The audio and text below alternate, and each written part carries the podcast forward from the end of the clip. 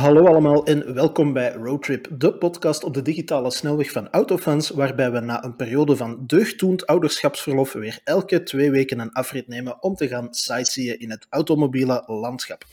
Ik ben Wim van Autofans en bij mij de man met wie praten het vertrekpunt van elk gesprek kennen is, maar nooit de eindbestemming, Yves Wouters. Hallo. En hield in zijn tweede maand bij Autofans al eigenhandig het fortrecht is, en is daarna gelukkig nog niet gillend gaan lopen. Joram van Akker. Hallo.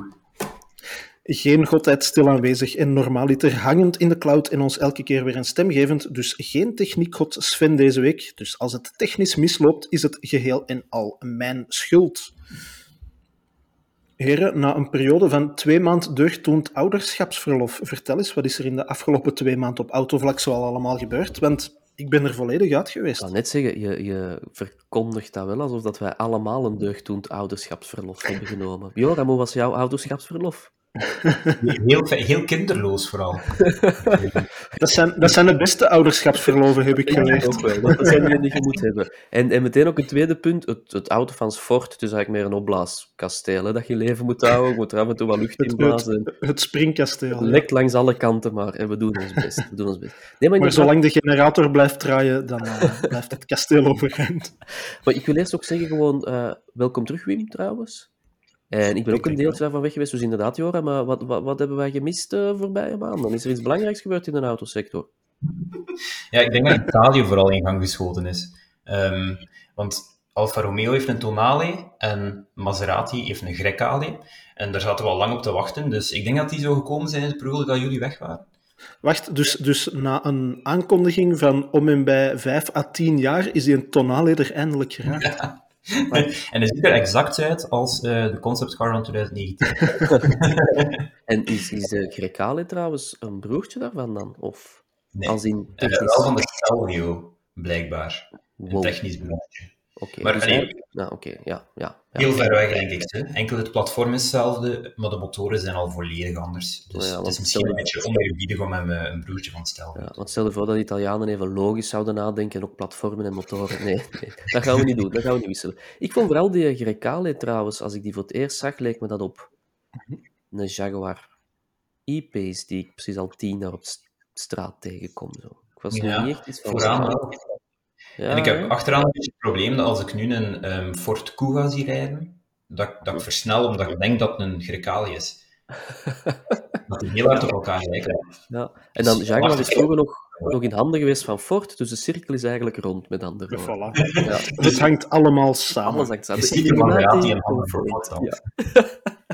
Ongelooflijk. Maar belangrijkere vraag misschien voor de Italianen. Zit er iets van hybrides aan te komen of elektrische versies? Of eh, blijft alles bij het oude en zeggen ze, ja, ja, we zijn ermee bezig?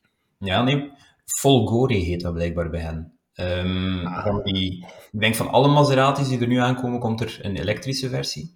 Ehm, dus ook van die ehm Grecale. Volgend jaar, blijkbaar. Volledig elektrisch. Ik weet niet hoe dat ze dat gedaan gekregen hebben op het platform van de Stelvio, die naar het schijnt in staat was om multihybride techniek te ontvangen. Maar kijk, voilà. Ik, ik denk een aanhangwagentje met een batterij. Zoiets. Ja, ofwel wordt de elektrische Grecale stiekem onderuit een Peugeot 3008, die tegen dan misschien ook geëlektrificeerd is. Maar dan krijg je dus gewoon een compleet ander platform. Want uiteindelijk doet Fiat dat met de 500 ook nu. Hè? Je kunt nog een 500 Ja. kopen en de 500e, maar onderuit zijn compleet verschillend platform. Hè? En Porsche Ja, gaat dat zijn twee verschillende basissen. Ja, Porsche gaat dat doen met Macan ook, blijkbaar. Ah ja. Oh ja, dus misschien gaan ze dat zo oplossen bij Maserati, dat je de Grecale met het Stelvio-chassis en de Grecale met een Peugeot-chassis kunt kopen. Dat klinkt denigrerend, ik weet het, maar eigenlijk maakt Peugeot wel heel goede chassis. Is dat meervoud? Dat klinkt echt als we dat je bij de ja. kebabzaak. Enfin, nee, ja. Ga verder. Alright, nee, ik ben, ik ben heel benieuwd. Ehm, vooral, ja, de Tonale, gaat dat de, de, de redder van Alfa Romeo worden, ja of nee? Want laat ons eerlijk zijn, het, het zwaard van Damocles hangt daar toch al jarenlang boven het hoofd. hè. Maar heeft Alfa Romeo een redder nodig? Elk nieuw model is de redder van dat merk en het blijft bestaan. Misschien moeten we onszelf daar iets van loslaten en denken, die hebben geen redder nodig, die blijven toch bestaan. Die, die hebben gewoon een investeerder die daar constant geld in pompt, zoals Precies, Autofans. autofan. nee, ik, ik heb wel zoiets gezegd zelf ook van ik kijk er naar uit, maar dan denk ik 2022 op de markt in 2023, 2024, ik wil het al kwijt zijn, 25. Ehm, twee nieuwe SUV's met verbrandingsmotor, misschien elektrisch, dan denk ik, is, is, kijk, kijk, er echt naar uit? Is dit nu iets van dat je denkt van, oh, wauw, jee, dit concept heb ik nu al niet tien jaar lang geleden of aan een stuk aan het rijden en ga ik rijden en ben ik aan het rijden. Die hadden toch met iets vernieuwend kunnen komen dan dat.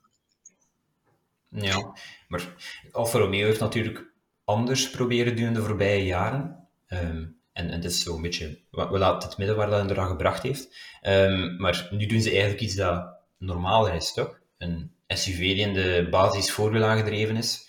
En zo qua formaat een beetje meespeelt met wat dat de meeste mensen zoeken. Buiten in Julia en de Stelvio waren toch redelijk uitzonderlijke modellen voor... voor... Ja, ik, ik weet niet goed voor wie, wie, wie dat het cliënteel van, van de... Hoe noemt hem? De Elandra? Alfa Romeo Elandra? Nee. Lantesis. Wat is het? De charisma. Ja. hoe, hoe heet wie van, van Tonale? Tonale, excuus. Tonale, ja. Ik, ik weet niet hoe het publiek daarvoor is, omdat diehard alfisten, die hebben het niet echt zo voor SUV's. En bij de Stelvio komt het een beetje kopen van nagel, goeie chassis, of nagelstrak mm chassis. Dit is eigenlijk gewoon een Jeep Cherokee Renegade. Renegade, ja. uh, onderhuids, die dan plots ook in de 40.000 euro kost. Allee, ik weet niet, ze weten het zelf eigenlijk nog niet, maar dat ik ook denk van, ja, voor wie is dit? Waarom zou ik als, als niet-alpha-koper of alpha-fan een alpha kopen? En waarom zou dat dan een voorwiel aangedreven crossover zijn? En waarom zou ik als zou... alpha-fan dat kopen en geen Stelvio? Zou, zou daar niet heel hard het, um, hoe noemen ze dat, Conquest Customer idee bij spelen? Om een hele hoop nieuwe klanten naar alpha te trekken die niet zozeer wakker liggen of, of niet zozeer op de hoogte zijn van de hele geschiedenis van dat merk en waarom dat, dat zo speciaal maakt, maar die anders misschien een Audi ja. hadden gekocht. Die, sorry, wat? Die anders die, een Audi Q3 hadden gekocht. Bijvoorbeeld, ja, inderdaad. Die zeggen van, ah ja, kijk, oh, dat klinkt wel goed. Uh, hetgeen dat hier in de brochure staat, of hetgeen dat ik hier op de website lees, van, oh, dat is een Italiaanse auto in design en dit en dat, een echte Alfa rijstijl. Allee, die ja. ontvankelijk zijn voor, voor, voor die marketing en die dan zeggen van, oh, kijk, waarom niet? Ja, bij mij is een beetje het probleem dat, je, dat een auto dat ze nu presenteren is aan zich een zakelijke auto. Als in, mm -hmm. met, met, want er zitten ook plugins bij. Um, ik weet niet dat Alfa Romeo daar klanten gaat kunnen halen gewoon. Zoals je zelf zegt, mensen die anders een Q3, dan denk ik ook, dat zijn mensen die de facto geen interesse in auto's hebben, die pakken dan gewoon die Q3. Die gaan niet die extra moeite doen voor de Alfa Romeo, want die gaan niet goedkoper zijn misschien, potentieel, in leasing, want restwaarde en al dat gedoe. Je moet al een beetje uit een soort van emotionele overtuiging een Alfa kopen. Um, en ja, dat lijkt ja. een heel moeilijk verhaal te worden voor Alfa. Ergens is het een klein beetje een terugkeer naar wat ze deden voor de uh, Giulia en de Stelvio. Mm -hmm. um, allee, als, het is nu misschien denigre nog denigrerender dan Peugeot-platforms en dergelijke, maar toen dan ze Fiat-platforms gewoon een Alfa Romeo carrosserie gaven, die dan wel, allee, het schijnt wel leuk stuurde, maar goed. Um, maar de, de maar... Mito was een toffe auto, hè? Ja. En dat was ook toen... een auto dat particulieren konden kopen. Of van mhm. dromen. Ah, ja. Of en ik heb nu het gevoel, dus heel toevallig, de presentatie van de Tonale, um, ik denk dat het de jury, nee, de jury, sorry, de journalisten mochten op maandag, zeg maar iets, en het hele weekend daarvoor mochten al klanten komen. Dus wij waren het plebs in dit verhaal. Um, en ik kende toevallig iemand die, die grote fan is van Alfa, die zelf thuis een Mito heeft. Uh, zijn zoon heeft een Alfa Romeo Brera en zijn vrouw heeft een Kia Sportage rare link, ik weet het. Gooi het maar even gewoon mee, dat het zo iemand is. Een zotte combo. Ja, voilà. En ja, zijn vrouw moest dus een nieuwe, stilaan een nieuwe auto hebben, want die Sportage is al eerste generatie Sportage. Dus je hoort hem al komen, hè, van hm, Alfa komt met een nieuwe, goedkopere crossover. Kan interessant zijn. En hij was dan ook gaan zien, maar ja, als alfist dat zegt zoiets van, dat is duur, in een lelijke kleur, zijn woorden trouwens, hè, in het grijs daar neergezet. En ik ben niet wild van, van die auto. Dus ja, ja ik, ik kun het Alfa, maar ik, ik, want ik, ga altijd verwijten dat ik blij ben als Alfa het slecht doet. Uh, want ik vind Julian een geweldige auto, met rijden ook. Uh, maar ik denk dat Alfa een beetje het Subaru, en dus ik, ik Wim zijn, zijn oortjes al, al uh, zo Alfa moet een beetje dat Subaru-verhaal rond zich ook kunnen creëren. Van, wij zijn een niche-speler en wij mikken ook gewoon op die niche-markt. En dan heb ik het bijvoorbeeld over performante sedans, ongeacht de aandrijflijn. Hè? Dat kan ook elektrisch zijn of zo. Niet zo dat... Wij willen iedereen... In, ja, maar in hoeverre kruipt Alfa dan een beetje in het vaarwater van Maserati, die ja, natuurlijk ook nu wel een nieuwe SUV uitbrengen, maar die qua performante sedans ook wel een, een, een niche hebben uitgebouwd voor zichzelf. Goh, in, in hoeverre kruipt Subaru in het vaarwater van een Infinity of een Lexus? Niet, hè? Ja, maar dat is een andere groep, hè? Ah, ja, ja, maar ik bedoel maar, je kunt je eigen niche bespelen zonder echt in een ja. vaarwater te komen. En ik, ik denk wel, als je Maserati zegt, denken mensen aan sportwagens. Um, ja, terwijl dat leeuwendeel Ghibli's zijn, hè? En Levantes waarschijnlijk. I know. Um, en, en ik vind dat Alfa een bepaalde niche ook zou moeten bespelen. Ik denk dat het altijd beter werkt. Dat ik, want allee, ik, ik hoorde precies het verhaal passeren dat ze zich weer terug op market willen zetten, Maserati, niet? En dan ja. denk ik, here we go again. Dan denk ik, stop, stop daarmee. Um, maar wat is zonde, hè? want ik blijf bij Stelvio en, en Giuliakke heel goede auto's. Hè? Maar echt supergoeie auto's. En ook nog altijd mooie auto's. En, en ook qua, qua motorisaties, heel interessante auto's. Gewoon niet fiscaal interessant, niet meer, voor de, mm-hmm. de fleetmarkt. En dat is een beetje het probleem met die auto. Maar puur als auto, top, hè. Ja, en ik, ja, de, de Tonale zal het hoogstwaarschijnlijk beter doen dan Stelvio en Giulia, puur omdat dat een plug-in motor heeft. Ja. Um, en dan gaan ze roep toeteren van groot succes. Hè, beste Alfa ooit sinds de lancering van Alfa, whatever. Um, maar je holt je merk daar een beetje mee uit, vind ik. Dat is hetzelfde dat, dat Lotus volgend jaar gaat zeggen: onze elektrische SUV is de meest populaire Lotus ooit. Mm. En dan denk ik, verkoopcijfers en populariteit is wel een verschil. Ja. Want je holt je merk daar wel een beetje mee uit. Ja. Dat is mijn, mijn mening, hè? ik weet niet wat jullie daarvan vinden. Hè? Nee, nee ik, ik volg dat ergens wel. Dat is zoiets. Um, ik ben een beetje liefhebber van oude auto's, we moesten er niet opgevallen uh, zijn. Nee, um, echt? Dit is compleet nieuwe informatie. Dat, dat, is toch, daar gaan we niet, daar gaan we niet opnieuw over. Dat is toch de deur van een nieuwe Kia Picanto achter u, hè? toch? ah, okay. Hij heeft al de deur van een tonale op de kop kunnen tikken. Oké, okay, ga verder. Bruggetje naar Italiaanse bouwkwaliteit. Aan de andere kant kanaal. Ah, okay. ga, ga verder, Joran. um, nee, maar ik vind vroeger hadden heel veel merken zo een, een uh, compleet eigen karakter. En die legden zich daar precies meer bij neer dat ze sommige mensen gewoon niet bereikten. Um, mm -hmm. En nu willen zelfs ja. Zo, ja, meer, meer exclusieve merken zoals Alfa Romeo of, of uh, ja, Maserati nog een stuk meer um, iedereen gaan bereiken. Um, ja. En vooral bij BMW en Mercedes en zo uitzicht dat dan in, in extreem veel verschillende modellen, waar dat je dezelfde mensen een keer of drie, vier bereikt, die dan niet weten welke Mercedes dat ze moeten kopen, omdat ze gewoon ja, binnen hun segment en prijscategorie verschillen hebben. Um, maar ergens neemt het inderdaad het karakter van een merk weg. Ja, dat is ook. Dat is ook. En ik, ik vind ook dat, dat je dat mooi omschrijft en dat dat ook een beetje bij mij het het nadeel is van, van aandeelhouders, die willen steeds meer winst zien. Dus ja, wat moeten die bedrijven doen? Terwijl dan eigenlijk, als je zegt, het, allee, we verdienen elk jaar evenveel geld, of we maken elk... Allee, als ze tegen mij zeggen, je krijgt dit ja. jaar 30.000 euro, en volgend jaar ook 30.000 euro, dan zou ik niet meteen op mijn achterpoot staan en zeggen van, wat? Maar 30.000 euro volgend jaar, dan moeten er 60 zijn.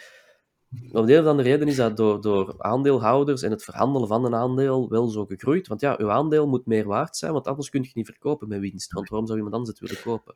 Ja, en, en, en, en ook gewoon het, uh, het efficiënter maken van heel uw productie. Hè? Want laat ons zeggen, 20, 30 jaar geleden kon er voor uw één model nog een platform ontwikkelen en dan voor uw groter model nog een ander platform. En voor uw SUV, die toen wellicht nog niet zo bestonden in dezelfde mate als vandaag, ook nog eens een platform. Maar vandaag zijn dat allemaal dezelfde basis zijn. Ja. Dus ja. dan wordt het moeilijk om drie verschillende karakters ja. per allee, model... Allee, ik vind dat wel een, een dubbele win, want, want je, je haalt het daar mm -hmm. zelf ook aan. En nu zeggen ze ook van, alles staat op één chassis. En dan hebben we, we hebben één chassis waar we alles, een scalable architecture, waar we alles mee kunnen doen. En mm -hmm. dat klopt ook. En dan zeggen ze ook van, we hebben een, een, een, een small, een midsize, een big, een truck, whatever. Dus uiteindelijk hebben ze drie, vier, mm -hmm. vijf chassis. Um, chassis, hasjes. Um, sorry. En dan zo van, ja, we doen alles nu op één chassis. We hebben efficiëntie bereikt. Maar dan denk ik, dat is eigenlijk niet echt waar. Want vroeger verkochten gewoon vijf modellen, meer hadden er niet, die ook op drie verschillende chassis stonden.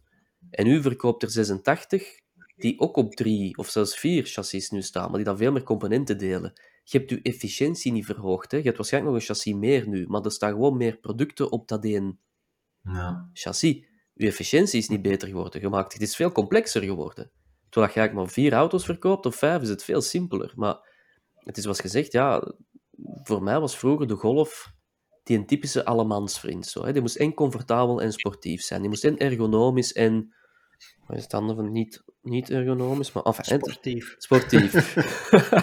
die moest en voor kinderen zijn en sportief. Die En moest, sportief. Ja, voilà. ja, en die moest en in het grijs en in het sportief rood kunnen krijgen. Ehm, maar tegenwoordig, met meer auto's ik heb ik het gevoel van, dit, dit zijn zo allemaal allemans vriendjes aan het worden. En dan, ja, dan verlies je dat karakter wel. Dus heeft zo'n Tonali, om even terug te komen naar dat verhaal, het echte alpha-DNA? Ik, ik weet het niet. We gaan het moeten ontdekken, hè. Het kan, hè. Ja. Maar ja, dat is ook een beetje een zoektocht naar wat is dat DNA, want Wim en ik zijn, sorry Joram, grote fan van de tweereeks Active Tourer bij zijn lancering, de eerste generatie. En ik heb er nog niet mee. tegen, Ah, terwijl iedereen tegen was en met de fakkels en de rieken aan, het- aan het rondwandelen was om BMW te bestormen, reden Wim en ik daarmee, los van elkaar. Wim zat zelfs nog bij een ander Mhm. medium. Mhm. Ehm, en we hadden denk ik alle twee zoiets van, nu toch geen slechte auto. En meer nog, Nee. dat is zelfs niet echt een slechte BMW, want dit heeft best wel wat rijplezier in zich. Maar dat was die is mensen hoofd zo... Ja, het is natuurlijk ook weer zo'n model dat compleet buiten de grenzen van, van waar dat BMW voor staat treedt op een bepaalde manier. Hè. Dus moesten ze zich gelijk vroeger vasthouden aan, aan echt hun eigen merkimago en dergelijke, dan zouden ze zoiets niet doen. Dus het is toch om weer mensen te bereiken die ze anders niet zouden bereikt hebben. Ja. Ja, Ja, er zit, er zit een parallel met Alfa inderdaad. Hè, want ik was er net ook aan het denken aan, laten we zeggen, de BMW X1 of zo, voorwielaangedreven SUV. Ja, dat past ook niet bij de achterwielaangedreven zescilinders. Maar het werkt wel, mensen kopen het, Ja. er komen nieuwe klanten op BMW. En dat is ook Waarom niet, een slechte auto natuurlijk aan zich. Allee, ik heb niet het gevoel dat ik met een X1 rijd, dat ik zo mijn innerlijke, ik wou een naam noemen, maar ik ga het niet doen bovenal, om te zeggen van, en dat denkt nu toch op niks, en dat is slecht, en dat rijdt niet. Dat- Dat is allemaal best wel oké. Ehm, Ja. ja, maar ik ben benieuwd. Ik ben benieuwd wat het voor, voor Alfa Romeo gaat doen. En, en in tegenstelling tot wat iedereen denkt, of wat veel mensen denken over mij, ik gun het Alfa Romeo. Echt wel. Meer dan sommige andere merken zelfs. Maar ik Ik wou net zeggen, zijn er merken die je bepaalde dingen niet gunt? Nee, Ik gun iedereen alles. Ik ben echt geen Oh, moeilijke mens. Ik ben echt geen moeilijke mens. Ik vind het gewoon knap dat bijvoorbeeld Subaru het lef heeft om zelf te zeggen: wij bouwen gewoon niche-auto's. Punt. Ja. Ook, ook met de. Solterra. Eh, Het, het is wel een beetje een Mhm. secte en ik ben steeds meer te verdenken, Wim, dat je gewoon bekeerd bent tot de secte door de mensen binnen Subaru. Maar die kwamen er ook direct binnen en die zeiden van, mannen, je gaat straks met een auto rijden, op de presentatie van de Solterra, Mhm. en dat is geen elektrische auto. Wat gebeurt hier? En dan van, nee, het is een Subaru. En dan dacht ik van, oh boy, de secte is gestart. En eigenlijk hebben ze zelf toegegeven van, kijk, wij willen gewoon, wij wouden een nieuwe Subaru maken. En toevallig is die nu elektrisch geworden. Enerzijds door de samenwerking met Toyota, anderzijds omdat we snappen dat we het spelletje moeten meespelen met de landen. Maar do we give a damn dat het elektrisch is? Nee. Is dit ons, ons, ons Halo-model dat ecologie moet tentoonspreiden? Nee. Want wij zijn heel ecologisch als Subaru. En dan denkt ook weer van, is dat zo? Heb ik ergens een vergaderingsje gemist? Maar dat is eigenlijk echt wel waar. Hè? Want Subaru heeft in, in Amerika een fabriek staan die de laatste 10, ik denk zelfs 15 tot 17 jaar, het vuilnis niet heeft buitengezet. Die zoveel recycleren en zelfs de verpakking van Ah, onderdelen... dacht, ik dacht dat ze een hangar hadden vol vuilnis. zo. Nee, nee. Dus zelfs de verpakking van onderdelen die toekomen, die Ja. verpakking gaat mee terug met de vrachtwagen naar de toeleverancier. En die moet dat opnieuw in diezelfde verpakking steken. Ja.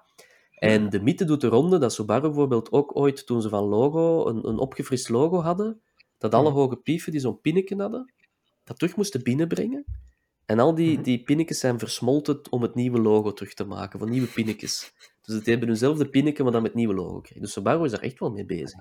Die zeggen Wat een merk, jongens. Ah, Wat ah, een wel, merk. hè, om, eh, Ongelooflijk. Het is dat. Maar ik vind dat ik wil wel even rechtzetten. Het, hetgeen wat ik zo tof vind aan dat merk is vooral dat die.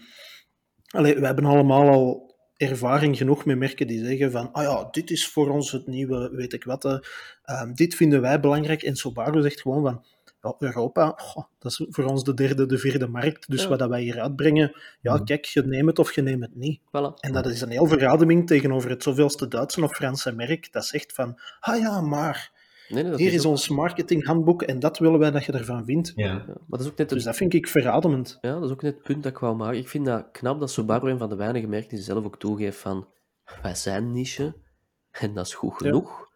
Want wij verkopen dan nog altijd genoeg auto's mee dat wij de mensen die we loondienst hebben kunnen betalen. Willen wij Maar, 300% meer auto's verkopen? Nee. Willen wij 500 man meer aannemen in Europa? Nee. Want wordt dat toffer met meer mensen in het bedrijf? Waarschijnlijk niet. Dus, allee, sorry, hè, dat is niet naar u, Joram, maar eh, ik wil gewoon maar zeggen, ik vind dat verademend, of verfrissend, of hoe moet je dat zeggen, dat, Ja, dat ja. je dat gewoon durft toegeven als automerk. Ja. Tuurlijk, dat wel. Ja. vind- Het is dat. Ik vind Ik- Mazda ik moet ook- trouwens- eh, Ja, zeg maar, sorry. Nee, nee. Ja, ik moet trouwens eh, ook even eh, aanstippen dat in mijn ouderschapsverlof ik een eh, WhatsApp-bericht van een van deze twee heerschappen in deze eh, podcast kreeg, die voor de eerste keer met de Subaru Outback had gereden en mij letterlijk zei, ik snap het. ja, ik denk in mijn eerste podcast dat we, dat we het er nog over hadden, hè, dat ik geen Subaru-ervaring had, los van de BRZ.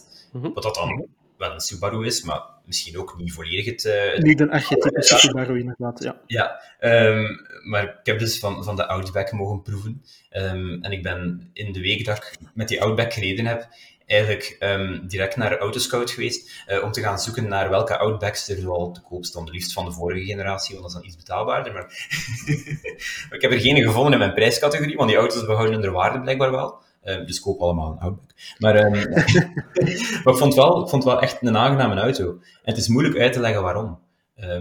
Omdat dat ja, toch wel 9 liter hebt of zo.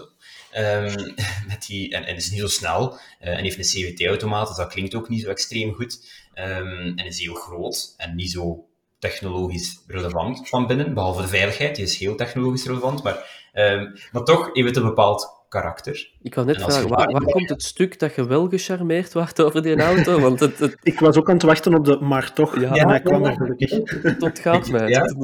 Het- Dus het is zo'n eigenlijk beetje verliefdheid, weet je. Zo, in zijn imperfecties schuilt hetgene dat hem aantrekkelijk maakt, vind ik. Eigenlijk kunnen we gewoon zeggen dat, dat Subaru een beetje het Alfa Romeo van de moderne tijd Van is. Japan is. Ja, ja. Ja. Ja. Nee, nee, Subaru noemt zich tegenwoordig het Volvo van Japan. Uh, omdat ze even veilig zijn. Maar dan het geweldige erbij is, ehm, wij zien onszelf een beetje als het Volvo van Japan, zonder de budgetten van Volvo om te zeggen dat we veilig zijn. Dan denk ik, zalig. Dat is zo'n zalige, typische Subaru-uitspraak zo. Wij zijn even veilig als Volvo, maar wij hebben gewoon de marketingbudgetten niet om dat te zeggen. Maar hè, we zien ons een beetje als het Volvo van Japan. Ze hebben ook, ze hebben ook een soort van cross-country, dus uiteindelijk. maar dan Ja. Maar we hebben al twee Subaru-bekeerden dus onder ons. Oké, dat is mooi. Ja, ik, ik Het is een kwestie van tijd, Eve. Het Ik- is echt een kwestie van tijd. Elke keer als ik mee in de rij denk ik, Wim, ik, ik, ik weet het niet. Ik, ik kan daar Ja. geen slechte auto's vinden, maar dat zijn geen slechte auto's. Maar dan denk ik, ja, ja. Nu natuurlijk, ik ben het type dat een cactus koopt, hè, dus het is een beetje geven en nemen. Hè. Ja, als je het hebt Het hangt er over, inderdaad maar vanaf waar uw referenties als je het liggen. hebt over auto's die veiligheid, um, allroad kunde en ehm, ja, zo iets dat langer dan 10 jaar mega uitstraalt, of allee, als, als dat uw ding is, dan denk ik niet dat je naar een Citroën Cactus moet gaan. Maar goed, ja, ik snap het.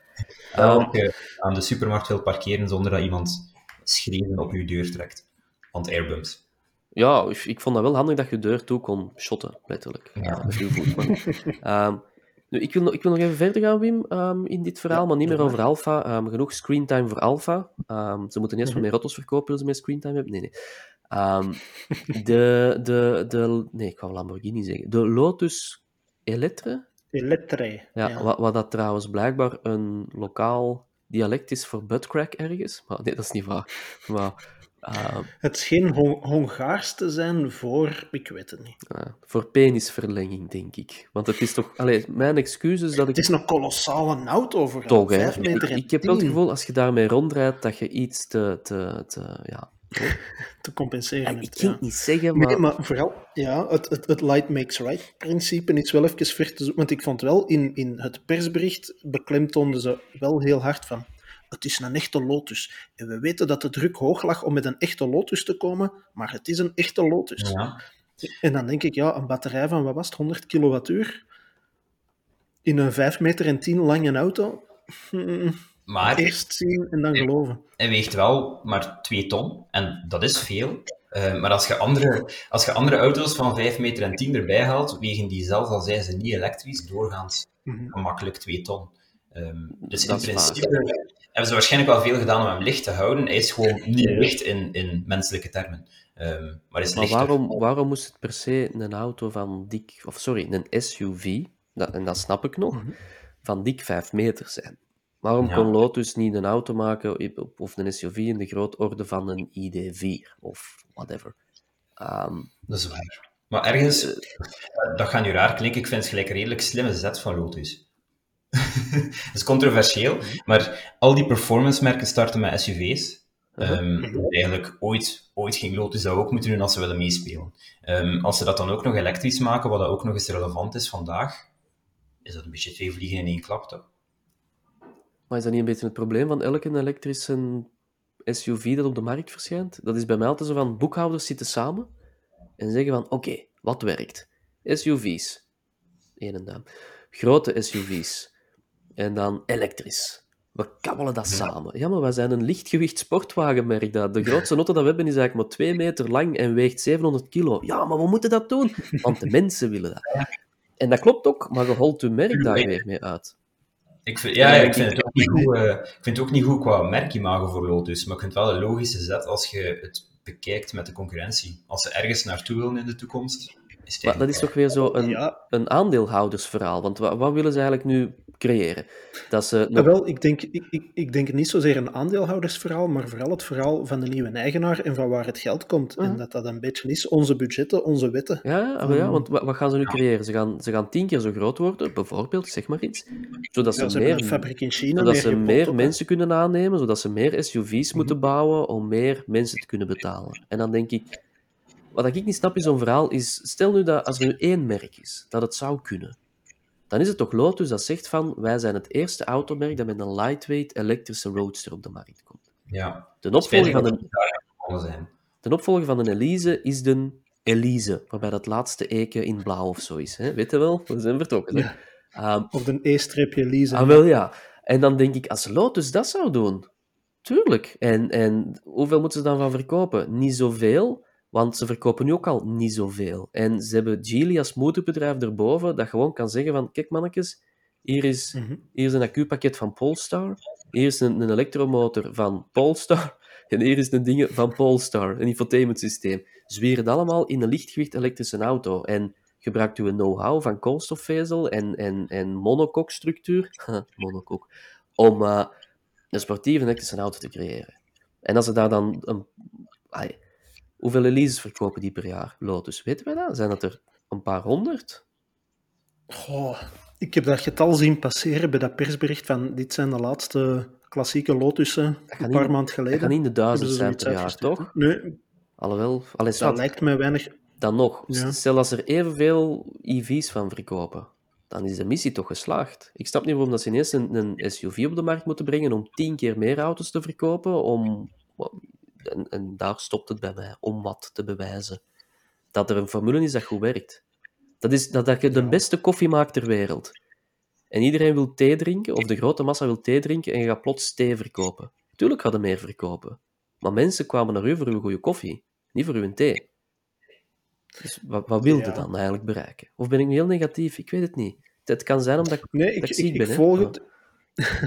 Ik volg het wel, hè. en ik denk dat inderdaad ook zo wat, ja, waar, waar, worden, of waar wordt er nog heel veel geld uitgegeven aan auto's en waar maakt de, allee, de historische rijkwaliteit van een auto minder uit? Dat is op die nieuwe markten, hè. dat is het Midden-Oosten, dat is China, dat is Rusland, waar dat ze het misschien nu niet meer allemaal kunnen betalen, Mm. maar... ehm, Ik vond- Allee, ik daar, willen ze het logo, daar willen ze niet zozeer de, de, de rijkwaliteit van een Elise, maar daar willen ze gewoon het logo van een Elise. Ik vond ook het, Dat geel bakje, vanuit ja. een designverhaal, die Elentra, Elentra geen, niet zo'n mooie auto. En Er zat wat van alles in. Ja, van ik- voor was het zelfs wel Link Co-achtig. ja, ik vind een hele Zo, Chinese auto. Lamborghini Urus en Link Co op een hele dronken avond. Ik vind een, een hele Chinese auto. En dat is, ik weet ook welke markt dat ze dus gaan bespelen. Laat het ons Ja. zo zeggen. Ja. Ehm, Ja, Yves, je hebt, je hebt dezelfde dag ehm, de video van de iWays U6 eh, Ja. op de website gezet. En zo, als je je ogen een beetje toeknijpt, dan lijken we heel hard op elkaar. Wie, ik ken in die auto? Nee. Uh, ja, maar ja, die U6 is bij mij ook zo'n verhaal, hè, dat, dat ik zoiets heb. Ik, ik ben grote fan van een U5. Dat het eigenlijk een, een Skoda Enyaq is voor minder geld, veel minder geld, qua ruimte. En dan maken ze daar een minder praktisch coupé-verhaal van. En dat, nu, bij iWays geven ze dan zelf toe dat is een beetje meer een imago-auto, want ja, die, die U5 is wel heel handig en praktisch en prijs-kwaliteit in orde, maar als je hem in het wit neemt, is echt wel ja, een koelkast op wielen. Er is niks. niks en, en die U6 springt wel wat meer in het oog, dus ja, dat, dat helpt wel. Um, dus voor hun is die U6 een Halo-car. Inderdaad. En als je ogen toe doet, zie je inderdaad dat dat een hele sportief ogen dat er misschien wel een klein beetje op lijkt. Maar voor mij is bij Lotus een Halo-car niet een elektrische SUV van 5 meter. Maar het is misschien wel de die ervoor kan zorgen dat ze blijven bestaan.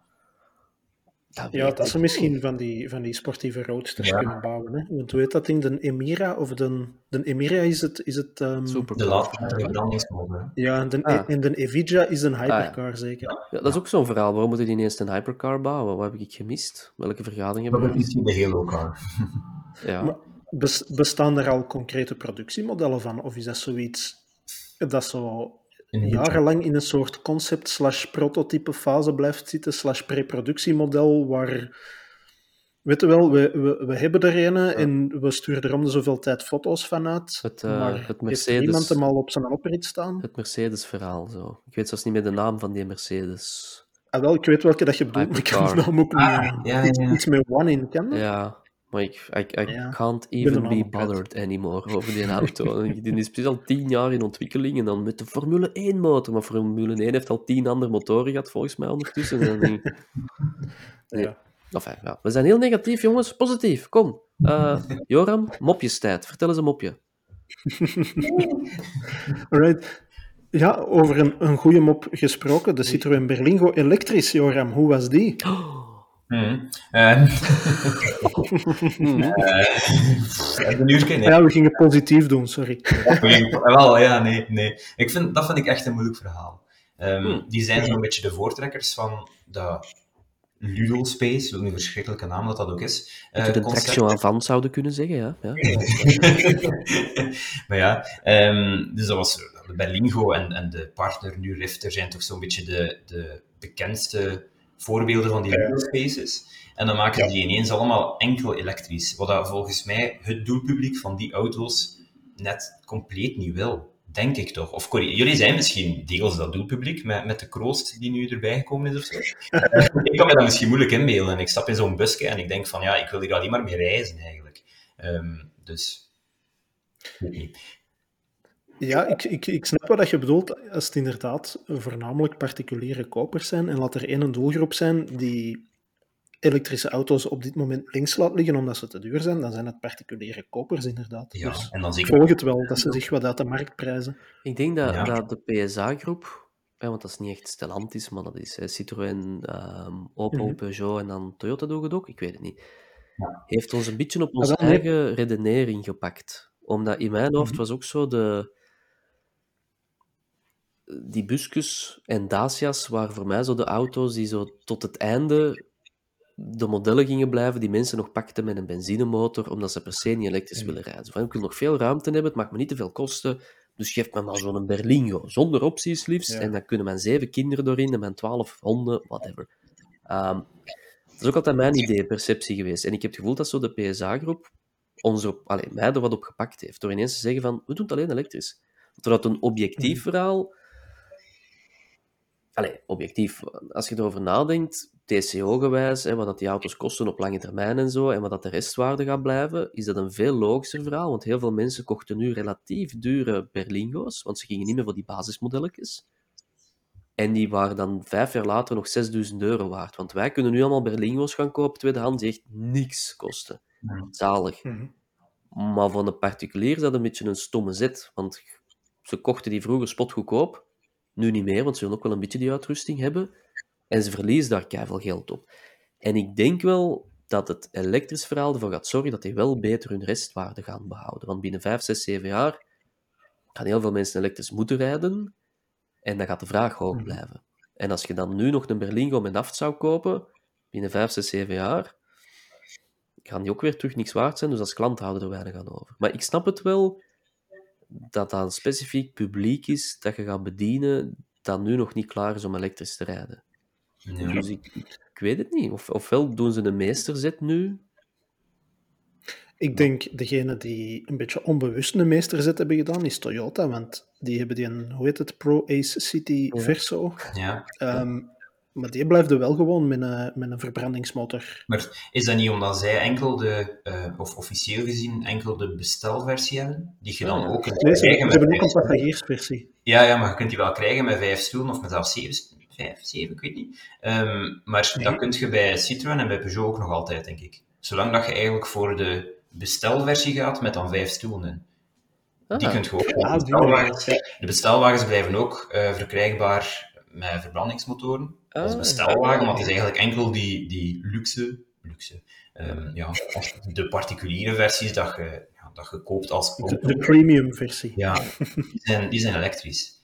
Ja, Ja. Ik, denk dat het een beetje gaat gevonden moeten worden in het... ehm, Renault heeft dan daar een nieuwe... Hoe noemt dat bij Renault? Kangoo Mhm. uitgebracht dan. En dat is nog wel gewoon met benzine en Ja. zelfs dieselmotoren. Het gaat een Volkswagen beetje... Caddy ook. Hè. Eh, Ja, voilà. Maar dat is wel, ik vond altijd wel een veel duurdere auto dan.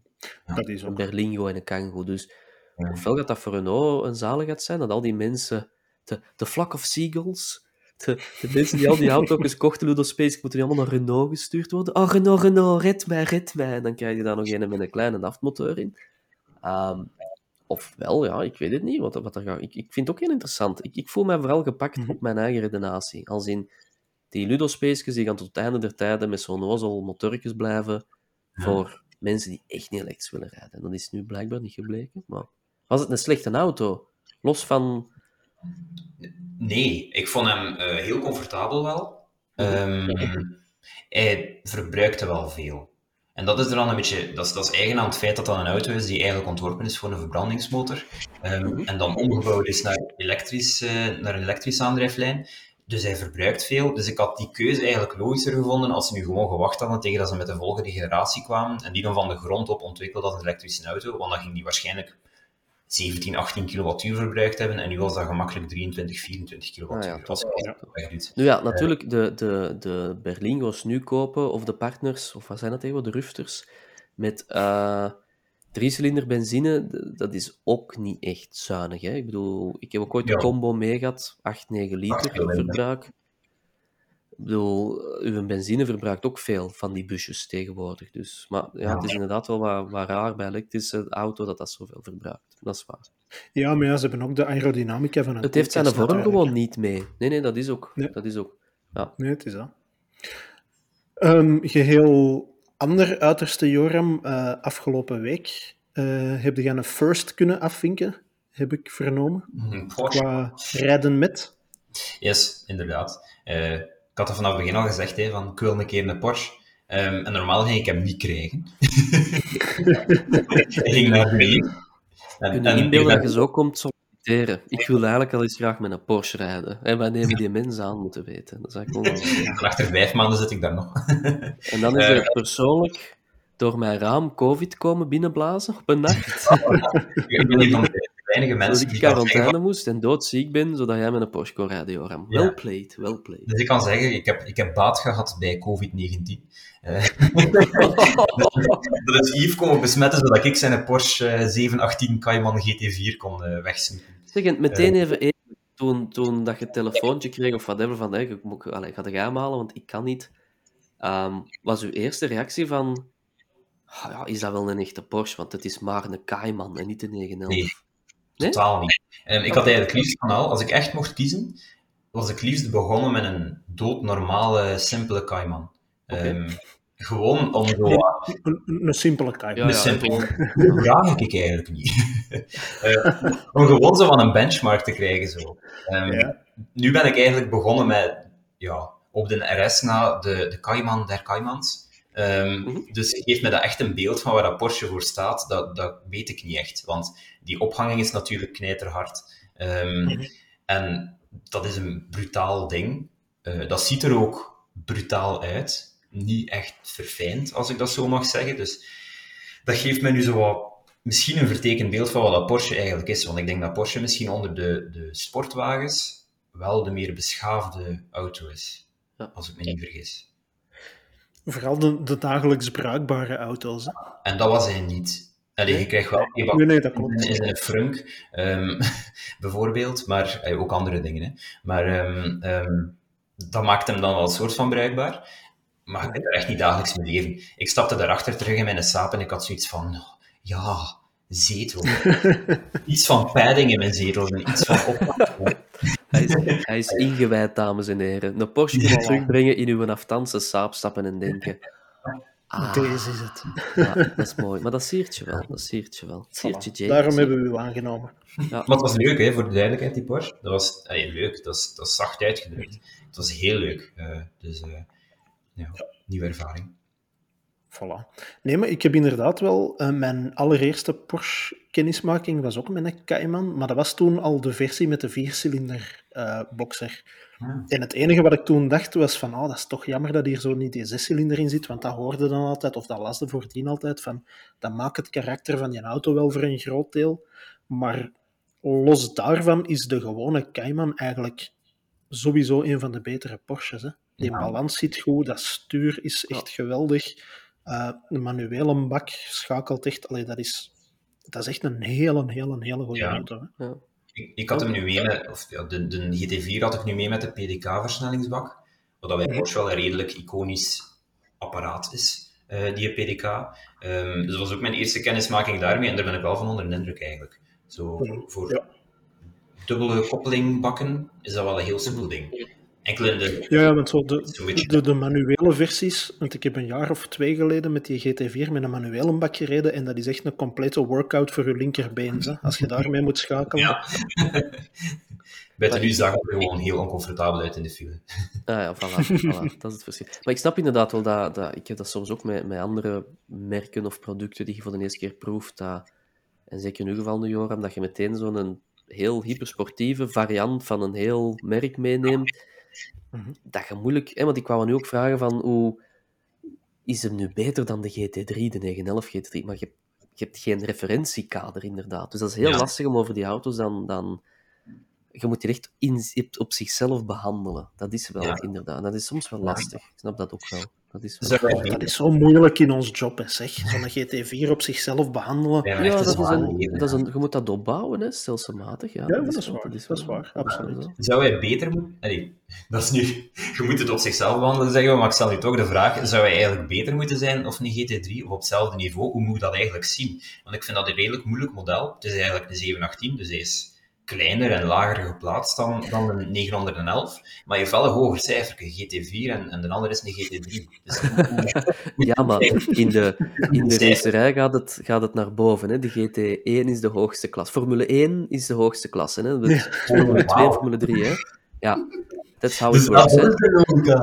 Ik dacht GT4, dat is, dat is zotter dan een GT3, maar het is eigenlijk ook... Ik denk, ja, ik denk sowieso wel dat die, dat die modellen heel moeilijk te vergelijken zijn, omdat die ook inherent helemaal anders zijn van karakter en van architectuur. Hè. Bij de 911 zit de motor helemaal van achter, ja. bij de Cayman zit hem in het midden. Het formaat van een auto is anders. Um, dat gaat, dat gaat ik denk dat dat ook een ander doelpubliek heeft. Ook. Ja. ja dat gaat inderdaad aankomen op persoonlijke voorkeur. Zet een 911 mens of zet een Cayman mens. En ja. dan gaat ik ben bijvoorbeeld ik ben een, een, een Cayman mens, bijvoorbeeld. Ik ben geen mm -hmm. 911 mens, omdat ik vind dat die huidige generatie ook, en al sinds de vorige, te groot is geworden. Dat zijn grote auto's. En zo ja. te... Ja, super comfortabel hè? en super sportief en, en voor lange afstanden. Mm -hmm. Maar zo'n Cayman hebben ze nog het gevoel van ik heb er goesting in, ze, om een stukje te gaan rijden. En bij de 911 heb ik dat minder. Dat is gewoon van, ah ja, dit is letterlijk een sportwagen waarmee dat ik straks naar knokken kan. En dan ermee, daarna nog naar, uh, naar daar een afspraak heb. En dat. Maar zo in een Cayman instappen is zo van, gewoon eens waarikjes, hè. En dan een beetje, ja, dat, dat, echt nog, dat, dat nodigt uit. Um, ja. Dus dat is moeilijk om te vergelijken. Ja, voor mij zou de GT4 een betere auto dan de GT3 zijn, waarschijnlijk. Ik kan het nu niet beamen, -hmm. want ik heb hem moeten doorschuiven naar Joram. Oh, ergens op, hè. Um, omdat dat meer in mijn, mijn plaatsje past. Zo. Dat is de kleinere, Uh, ik, bij mij was het probleem met de 911 GT3, dat is een, een, een 911 is voor mij een hele comfortabele GT, was dan een stien hit notte van maken. En dan blijft je over met een hele capabele sportwagen, supercar pester zelfs bijna, die nou voor mij te groot is voor zijn eigen goed. Mm. Terwijl een Cayman die compacte dimensies behoudt. En ja. het is zoals dat de Wim zegt, een, een, een standaard Cayman, want ik ik naar u dat laatst doorgestuurd heb, Wim, um, dat er in Engeland iemand was dat zo'n standaard Cayman een beetje gepimpt had, um, met een goede ophanging, rond de, richting de 400 pk, goede banden eronder, en die had echt gewoon mm -hmm. ultieme track weapon, dat zelfs GT3's kon ja. bijhouden. En dan denk ik, veel meer heb, heb die in de wereld gewoon niet nodig dan dat. Wat al decadent is, hè. Je hebt niet meer dan een Cayman nodig, met 400 De simpele Porsche. Je snapt wat ik bedoel. Een goede Porsche. Ja. Een goede dat, dat brengt ons eigenlijk maar weer bij de conclusie van uh, ik moet dringend eens met een 900,5 rijden. Dus, uh. Ja, dat is ook... We nemen het mee. Niet goed. Ja. Al, al direct eisen stellen. Hè. Nog maar vijf maanden in dienst en eisen stellen. We gaan naar de volgende COVID. Dat is goed, jong. Um, Wim, ik heb een vraag voor jou. Zeg het eens. Ja, dus gezien dat je kerstvers vader bent geworden, dat je ook mee de fout des levens hebt gemaakt. Um, ik weet dat je zelf met een Swift rijdt, uit overtuiging. Ja. de secte, zeg het maar. Ja, de secte. Ook, ook, een of andere rare secte waar je lid van, uh, van deel van uitmaakt. Um, lukt dat met de Swift? Heb je, heb je, ben je aan het uitkijken naar iets groots? Ga je in het Espas-verhaal stappen? Wordt het een Berlingo elektrisch? Wel, ik, uh, ik, ja, het zijn twee dingen. Ik ben eigenlijk ook een hele grote fan van de Berlingo's en de Rufters van deze wereld. Uh, om eigenlijk te antwoorden op de vraag van Joram daar straks, dat is meer dan een gezinsauto ook. Als je muziek speelt, is dat waanzinnig handig om je instrumenten van achterin te dumpen. Ja, ja. Um, maar ja, de Swift, het is een goede vraag. Momenteel past daar een Maxi-Cosi autozetel in en hebben wij een uh, kinderwagen die dat je heel compact kunt oplooien en dan past die in de koffer. Maar ja, als je meer uitzet mee gaat pakken of laat staan ooit een tweede kind overweegt, dan wordt dat wel heel moeilijk. Dus ja, ik ben aan het uitkijken naar iets groter. Uh -huh. um, wat voor iets dat, dat gaat zijn, dat weet ik niet. Dat is uh, een moeilijke vraag. En, en waarom is dat een moeilijk verhaal? Of een moeilijke vraag? Omdat ik het niet goed weet, mm. welke richting dat het uit kan. Um, ik heb anders... kan zoveel kanten op. Ik, ben aan Allee, ik wil sowieso niks SUV-achtig. Een brek ben ik een waanzinnig grote fan van. Um, de Ludos pas eventueel ook, maar zoals we zeiden, ja, de, allee, als het echt nieuw moet zijn of zo, de, de elektrische dingen vallen af. De Caddy is waanzinnig duur. De Renault Kangoo, ja, eventueel, ik weet het niet. Het is echt... Ja. Je hebt een goede vraag gesteld, Yves. Ik ben helemaal in de war. Ja. De, de Corolla elektrisch af? Corolla Hybrid, grote fan van. Suzuki Sways, even goed. Dat is een auto natuurlijk, maar... Nee, dat, dat zijn mogelijke kandidaten, effectief. Ja, en waarom valt EV af? Um, EV in de vorm van de Berlingo en de Rifter, omdat uh, die rijbereik heel beperkt is. En, ja, en, en wil... EV in de vorm van de MG5 of zo, stationwagen? Um, eventueel, maar dan wil ik er eerst wel eens nader mee kennis maken. En ik zit met het bijkomend probleem. Uh, ik woon in een appartement met mede-eigenaars en we hebben een garageplaats in mede-eigendom. En om daar een laadpunt te installeren, dat is een doolhof waar dat je niet aan wil beginnen. Hmm. We zijn eraan begonnen, maar het is echt zo waanzinnig moeilijk. Um, waardoor dat de laadplaatsen in de gemeente waar ik woon, die zijn ook al relatief schaars en ook hoe vaker hoe meer bezet. Ja, dus ik wil graag elektrisch rijden, maar het is moeilijk als je geen eigen oprit hebt of geen eigen garage waar dat je een laadpunt kunt installeren. Is dat zo? Dat is zo. Allee, ik bedoel, ik, ik heb mijn eigen oprit, hè, maar ik, ik kom eigenlijk wel... Ah, wel, het is dat, dan gaat dat perfect, maar, maar mensen die in een appartement wonen en daar een, een gemeenschappelijke staanplaats, allee, een staanplaats in een gemeenschappelijke ja. garage hebben, dat is echt een doolhof. Ja, Dat is, ja, maar ik begrijp ehm, het wel. Ik, ik, ik merk bij mij dat, dat opladen thuis mhm. een luxe is. Als in, Ja, dat is effectief een luxe. ik doe dat bijna nooit, want Mhm. ik laat op, eh, god weet ik waar, of op een bureau zelfs dan, of wherever, of eh, tussendoor. Maar het is gewoon handig dat het thuis kan als je zegt van, ah, we moeten morgen ver weg met gezin, ik steek hem over de nacht even in. Hè? Dan kunnen we met een volle, Ja. volle, volle batterij. Ja, Maar ja, ik ben de eerste die zegt, als hier in de wijk vijf laadpalen komen zitten, dan ga ik die gewoon daar hangen en, en niet Mhm. thuis opladen. Maar dat kost Ehm. natuurlijk meer, hè? Wat? Dat kost toch een stuk... Is dat niet twee keer zo duur eh, ongeveer als je een publieke laadpaal gebruikt? Dus, Gemakkelijk, ja. Maar ja, natuurlijk, als je de kaart van het werk hebt. Ja, eh, dat- en Ah, daar is de kaart van het werk naartoe. die ene kaart, ja. Zie, zie, hier is ze. Hier is ze. Hier is de kaart van het werk. Ah, ze. voilà, kijk. Ehm, ga ik zeggen... Ja, nee, ik bedoel, want voor veel eigenaars is dat toch zo het verhaal, hè, dat, dat ze een tankkaart, allee, een, een energiekaart, of dat ze op het werk alleen maar kunnen opladen. Hè. Ehm, Ja, ja, ja, absoluut. Dus ja, het is, ik, ik- denk gewoon, ik weet waar dat jij woont, Wim, ik weet je huiswonen. Mhm. Ehm, dan denk ik ook van ja, dat zijn, dat zijn x aantal bovenparkings ook, waar ik mij ook Ja. soms zet. Mhm. Dat zouden toch ideale parkings zijn om laadpalen te zetten? Ja, maar dat is een publieke parking, dus dat moet via de gemeente. Dus eh, dat is niet iets waar dat wij als bewoners van het project kunnen zeggen van ah, wij willen er een laadpaal, dus wij gaan daar eh, vanuit de vereniging van mede-eigenaars een laadpaal installeren, want dat is publiek. kunt je dat niet aanvragen? En Ja. ik weet in Gent... Je kunt dat aanvragen, maar dan mogen er geen andere laadpalen binnen een straal van ik ben de afstand ondertussen Ja. kwijt. 400 meter of zo, of wat is het? eh? Ja, ik denk dat het zelfs minder geworden Allee, dat ze tegenwoordig al iets inschikkelijker zijn geworden, Ja. maar we hebben er een relatief dicht in de buurt. Ah, Zo'n Allego met twee, met twee stopcontacten, Ah, maar dat heb je die toch dus ook heel vaak bezet is. Stop eens met zagen en pak eens een elektrische auto, jong. Je hebt een paal in de deur. ik heb geen paal in de deur. En wel, niks. als de baas meeluistert, ze. Voilà, bij deze. Nee, nee. Een, au- een auto waar ik wel over ben beginnen twijfelen in iets negatievere zin, en we hebben hem daar straks heel even aangestipt, is een 2-actief tourer. Alleen niet dat dat binnen het budget viel, Ja, maar ehm, omdat we zeiden, we zijn fan van die, van die eerste generatie. ja. Ik ben nu met de tweede generatie aan het rijden en ik loop er nog niet helemaal warm van en ik vind dat een beetje jammer. Ja, ik heb er nog niet gereden, de- de nieuwe, dus ik kan, niet, ik kan het niet zeggen. En wat, wat Ja. ontbreekt er volgens u dat de vorige wel had?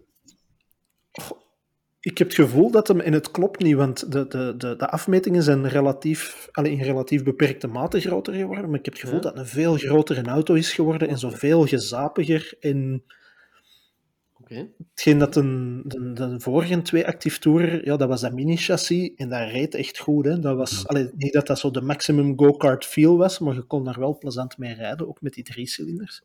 En nu is dat ook een driecilinder en die is zo heel gezaperig, heel piekerig qua koppelafgiften en zo. En de grootste fout die dat ze hebben gemaakt is die een iDrive-knop weghalen. Ah, ja. Dat hebben ze ook gedaan. En dat vind ik niet oké. Dat vind ik niet oké, BMW. Nee, ik protesteer. Niet leuk. Oké, Nee, vind ik Dus ja, absoluut we- niet leuk. we- Maar ja, ik heb nog een paar dagen om, om, om ehm, overtuigd te geraken, maar ik vind het moeilijk. Ik ga zeggen, ik dacht dat je ging zeggen, ik heb nog een paar dagen om mijn nieuwe auto te kiezen. Ik dacht, oei, heb ik er iets gemist? Maar, Nee, nee, maar dan, de baas moet meeluisteren voordat ik een nieuwe auto kan kiezen. Hè. de baas. De baas, toch. Oké, oké, maar... ehm, niet onbelangrijk, Joram. Mhm. Heb jij een nieuwe Volvo gekocht? Ja. Ja, Joram en ik zijn trouwens eh, lid van twee sectes, hè, van de Subaru-secte en de oude Volvo-secte. ja. En liefst ook een Volvo vijfcilinder-secte. Zo. Voilà. Ja, want ik weet dat je, je bent gaan zien naar een, hè? Ja, ik ben, ben gisteren, ehm, na lang nadenken, eh, toch even richting de Walen getrokken, ehm, om te gaan, te gaan rijden met, met blijkbaar eh, een van de, de best onderhouden S60's van, van de wijde omtrek. Ehm, met 84.000 kilometer. S80, sorry. S80. S80, ja. Maar, ja. 80 van de eerste generatie eh, van 2003.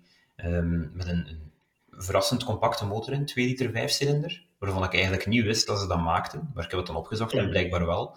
Ehm, maar met 84.000 kilometer, dus in, in Volvo-termen is dat zelfs nog niet ingereden. Eh, Ja. dat noemen. Ja. En hij voelde ook zo. Dat, dat voelde eigenlijk als een nieuwe auto aan. eh, los van zo'n klein, klein beetje geschud eh, van de voorkant. Waarschijnlijk een of andere wiel dat een beetje uit balans is of zo. Maar voor de rest voelde die heel fris aan. Ehm, het enige probleem was een beetje dat die mensen zo niet echt, niet echt over de prijs wou babbelen. Ehm, Mhm. En die prijs is 7.990 euro. Eh, en dat is niet weinig voor een 19 jaar oude Volvo. Dus ja, het is zo'n beetje een twijfelgeval, want ik zag hem staan als ik binnenkwam. Ik was eigenlijk direct compleet verliefd op dat 4,8 meter lange slagschip van een, van een Volvo. Ehm, maar ja, Maar is dat... Niet, niet onbelangrijk, ook met hele coole hout inleggen op het dashboard. oh, hout en Ik foto's gezien. Oh, en een carphone. Echt waar. Echt? Ah, dat, dat, was een van de bucketlistingen. Dat was een van ja. de bucketlist, ja, oké. oké. Ja, en um, ruitenwissers op de koplampen. Ah ja. Het wordt alleen maar beter. Vraag, kun je, kun je de, uh, de auto 5 binnen en je kunt daar zo ruitenwissers uit zo'n bak gaan halen, zelfs in de Action tegenwoordig. Is dat dan ook voor Volvo, zo die mini-ruitenwissertjes, of moeten dat gaan halen bij de Polly Pocket afdeling? Zo, bij, bij de eerste mini-ruitenwissertjes. Hoe werkt dat eigenlijk? Uh, want dat kan, duur, dat kan heel duur zijn, hè, die affaire van ruitenwissers. Uh, ik heb het ooit meegemaakt. Hè. Um, wat ging ik nog vragen? Ja, is, is een beetje de, de onderhandelingstechniek in dat verhaal niet dat die mens gewoon een hele goede Volvo heeft staan? Hè? Correct, kunnen hem niet oppakken. Ja. Maar dat het een auto is dat nergens nog de lage emissie binnen mag in de Walen binnen dit en twee jaar? Of wat is dat? Als heel Wallonië lage emissiezone wordt. Dus dat je tegen hem kunt zeggen van, kijk meneer, kun jij veel geld vragen, maar binnen twee jaar krijg je er nog duizend euro voor. Ja, um, het probleem is een beetje, het is, een euro, het is een euro 3. Ik heb hem ook zo daarom gekozen. Uh, dus je mag nog tot zeker 2027, denk ik, overal binnen. Um, ook in de Walen? Hebben zij in de Walen lage emissiezones? Uh, heel Wallonië wordt een lage emissiezone binnen ja. dit en een paar jaar. Ja, maar letterlijk heel, heel Wallonië, hè? dus niet enkel de steden. Ja, ja. ah, oké. Okay. Nee. Um, ze worden de longen, letterlijk de longen van, van België. Ja. ja. Ik denk dat, denk dat het probleem is dat hij gewoon in een te mooie staat is. Um, en was het zelf een, een liefhebber? Die mens? Of, ja, uh, wat, ja. denk ik, nee, nee, het is geen liefhebber. Um, nee, hij had niet door dat er navigatie op zat. Je weet wel, die Volvo's van die tijd hebben zo'n schermpje dat ah, van boven. Ja, ja. En um, ik, ik, vroeg zo aan die mens van ja, hoe, hoe doe je dat scherm eigenlijk reizen? Um, en die wist dat niet. En die wist niet dat daar een scherm zat. Die dacht gewoon dat dat een sensor was die zo op een of andere verhoogstje zat of zo. Um, dus dan zijn we beginnen zoeken en heeft hij dat bakje gevonden. Dat is echt een, een, ja, een, afstandsbediening, waarmee je dat scherm naar boven krijgt. En dat is de enige manier om naar boven... Ik denk als je die afstandsbediening kwijtraakt, dat je dat scherm nooit meer kunt zien. Uh, dus mens heeft... Is, is het ook zijn auto lang in bezit geweest? Nee, nee, nee. nee. Het is tussen een, uh, een handelaar. Dus het is ook wel ah, gehad. Ah, oh, nee, dat is ah. wel fijn. Um, maar goed, maar die mensen wisten dat dus niet. En het probleem is tijdens de onderhandeling dat die ook zo zei van, ja, maar ja, nu weet ik wel dat er navigatie op zit. Ja, dat zijn de rookie, rookie mistakes, Joram. Rookie 1000 euro extra. Ja. ja rookie mistakes. Soms had ik me iets te veel gaan in mijn enthousiasme, in zo van, oh, superleuke auto, en weet ik wat. En dan denkt die mensen van, ja, die wilde echt wel heel graag. Um, maar goed, ik heb ondertussen al geleerd, je moet bereid zijn om een auto te laten staan als je naar gaat kijken. Ook al heb je juist uur voor gereden. Um, dus dat is wel deprimerend, maar goed. Um, maar we zitten in principe niet zo extreem ver van elkaar. Ik had hem um, 7400 geboden als echt zo mijn maximum. En dan zei hij van, ik ga niet onder de 7800. En die wou er echt niet van afwijken. En ik vond het een beetje een moeilijke. Dus ik dacht, ik ga er nog een keer over slapen. Maar ik ben eigenlijk nog niet veel verder in mijn, in mijn denkproces. En hoeveel wou je geven? 7400 wou ik geven. En hij vroeg 7,9. Ja, 7990, je weet wel 8000. 8000. Ja, dat geeft wel niet veel onderhandelingsruimte, nee hoor. Nee, nee ik, ben, gewoon... ik, ben begonnen, ik ben begonnen met 6,5. En uiteindelijk zijn we geëindigd dat ik niet hoger wou gaan of, of 7400. Ja. Um, en hij wou ja, niet afwijken van 190 euro minder dan zijn vraagprijs. Dus, ja. Ja. Dan heb je al heel veel toegevingen gedaan. Ja, ik was er ook een beetje verliefd op. Dat gaat zo. Ik zou echt langs gaan en zeggen, hier is 5,5 cash. ja, ik, dacht, ja. ik dacht in dat ik 6,5 dat hij ging zeggen, want dat is goed. Want die raakt dat toch. Allee, een, een Volvo voor die prijs, je moet toch al een ferme zot vinden die dat wil kopen. Ja. Ik, ja. veel meer op mij gaat het toch niet vinden, denk ik. nee. Maar ja, wel, ik zeg het, ik, ik kan altijd mijn vriendin meesturen om u dat uit uw hoofd te praten. Hè. Ja, dat... Want uh, ik heb vorige maand een Volvo laten staan. Allee, laten staan, ik ben zelfs niet mogen gaan kijken. ik wil ook wel altijd, als je mij dat linkje geeft, Joram, ik wil ook altijd eens gaan bieden. Hè. Als externe partij, gewoon. En ik zeg het, ik neem gewoon... Dat is echt van, pak hem, vier duist, pak hem. Ah ja, ik, ik, neem gewoon, ik neem gewoon 5000 euro cash mee. En ik zeg gewoon, hier is het, we doen dat gewoon in het zwart. Hè? We, we... Of alleen, nee, sorry, ik mag dat niet zeggen, maar...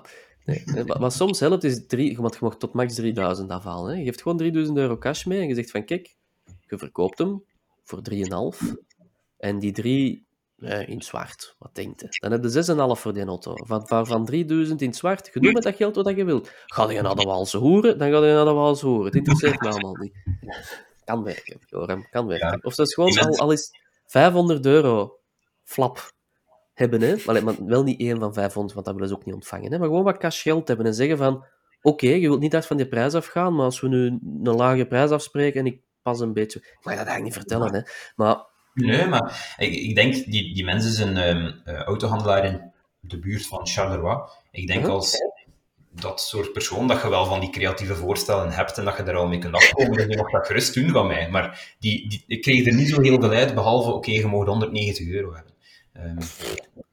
Okay. daar heb je nog geen ruitenwissers voor. Dat koplamp waarschijnlijk. Ja, maar je moet dat ook vertellen. Hè. Ik moet hier wel vier, vijf, vijf ruitenwissers verkopen voor een auto, man, van Valeo. Weet je wat dat kost? maar ja, het to be continued waarschijnlijk. Of misschien ook niet. Ja, het kan nog een, een Subaru worden, ik hoor het.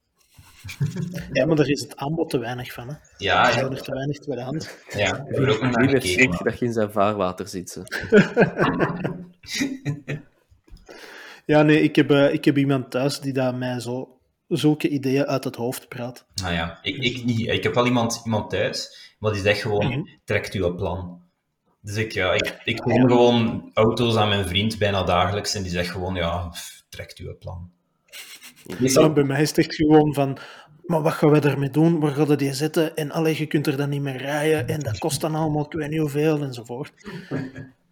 Maar ja, in his defense, ik heb hem ook wel een beetje zot zitten maken de laatste dagen uh, of weken. Uh, ik ben al gaan kijken naar een Lexus IS 250 um, eerst. Um, en dan zelfs in een, in een vreemde bui naar een Lexus CT 200H. Um, en daar is telkens een hele rant over gegeven van waarom wel, waarom niet, om het uiteindelijk gewoon niet te doen. Dus ja, ik denk dat hij om de uur wel heeft van het is volgende week wel weer een andere. Ah, ja. Ja, ik ben, ik ben benieuwd hoe het, eh, hoe het verhaal voortgaat. Ik hou jullie op de hoogte. Voilà, kijk, oh, dan lijkt uh, mij dit een uitgelezen moment om deze roadtrip tot zijn einde te brengen. Dit was uh, ja, roadtrip na lange tijd weer voor deze week. Over twee weken zijn we er terug met een nieuwe roadtrip. Bedankt voor de aanwezigheid, Joram en Yves. En tot over twee weken. Bye. bye.